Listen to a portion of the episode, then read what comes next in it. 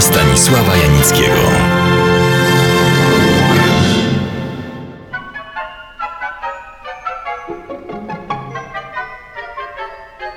Wcielił się fenomenalnie w skomplikowaną postać kamerdynera, zatrudnionego przez młodego arystokratę. Doskonały w swym zawodzie, zaczyna jednak stopniowo przekraczać swoje obowiązki i uprawnienia. Podporządkowuje sobie swego pana do tego stopnia, że podsuwa mu nawet swoją narzeczoną, by go potem szantażować i w pełni ubezwłasnowolnić. Zagrał głównego rozgrywającego w bezpardonowej, krwawej i wyniszczającej walce o władzę na przykładzie bogatej i cenionej arystokratycznej rodziny niemieckiej w latach brzemiennego w tragiczne skutki zwycięstwa Hitlera i nazizmu.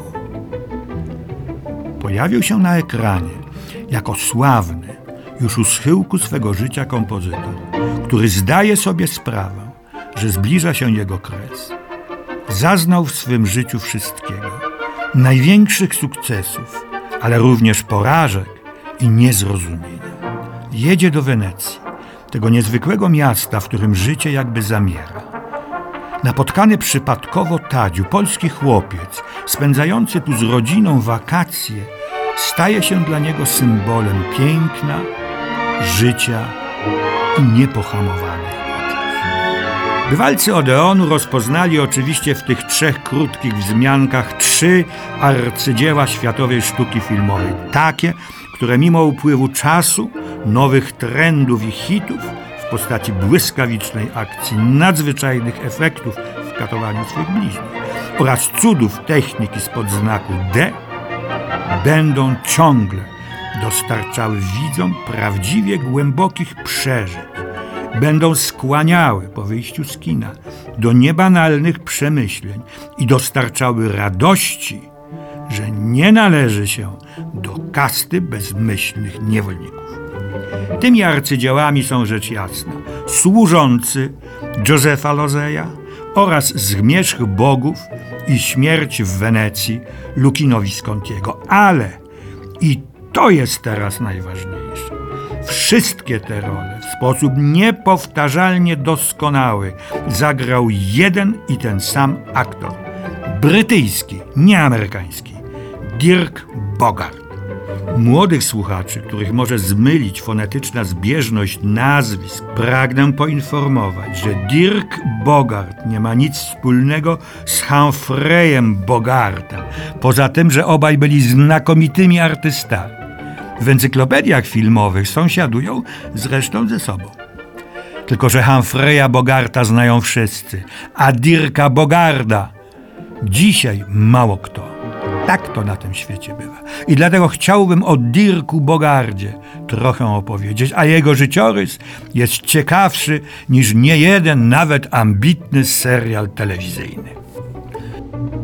Odeon Stanisława Janickiego w RMF Classic. Urodził się w 1921 roku w Londynie, no dokładnie w Hampstead pod Londynem, ale nie jest to takie istotne. Jego ojciec był jednym z dyrektorów sławnego i cenionego tygodnika Time. Z pochodzenia Holender, Ulrich van den Boherde. Matka Dirka, aktorka Margaret Niven, pochodziła ze Szkocji. Ich syn, Dirk, wtedy jeszcze Derek, uczęszczał do niezliczonej ilości szkół wyższych i je na ogół o dziwo kończył. Nie będę nimi Państwu głowy zawracał, ale były to uczelnie z najwyższej brytyjskiej, tym samym i światowej półki. Ważne, że najpierw były to uczelnie sztuk pięknych. Dirk pracował jako scenograf i grafik, a następnie sztuk dramatycznych, i to zarówno pisarskich, jak i aktorskich. Ale Swoją obecność w teatrze rozpoczął po Bożemu, jak tradycja kazała, od pracy jako goniec, rekwizytor i dekorator. Jako aktor zadebiutował w 1939 roku. Nie był to, szczególnie dla młodych, szczęśliwy rok na nie tylko aktorskie debiuty. Wybuchła II wojna światowa. Derek Bogart rozpoczął służbę w armii brytyjskiej. Wbrew pozorom, długa to była służba, a też i dosyć zagmatwana. Informacje na jej temat są czasami nie tyle nawet zaskakujące, ale nie bardzo dają się logicznie połączyć. Więc przedstawiam ich skrót. Dirk Bogart służył w służbach wywiadowczych. Walczył na Pacyfiku, w Azji i Europie. Tu brał udział w wyzwalaniu znanego hitlerowskiego obozu koncentracyjnego Bergen-Belsen. Podobno był też komentatorem radia BBC na Jawie, na wyspie. Niezaprzeczalnym faktem jest, że w ciągu swojej pięcioletniej służby wojskowej otrzymał siedem odznaczeń i awansowany został do stopnia majora. Kiedy II wojna światowa wreszcie się skończyła, Dirk Bogart wrócił do pracy aktorskiej. Zauważony dzięki roli w sztuce Prisleya Kiedy się pobierzemy, podpisał dosyć szybko, bo już w 1950 roku kontrakt z największą brytyjską wytwórnią filmową Artura Ranka. To ta, której znakiem firmowym jest do połowy obnażony mężczyzna uderzający z namaszczeniem i powagą w wielki gong. To nieprawdopodobne, ale Dirk Bogart miewał na scenie wielką tremę, z którą nie umiał sobie poradzić, więc film był mu bliższy, bardziej przyjazny.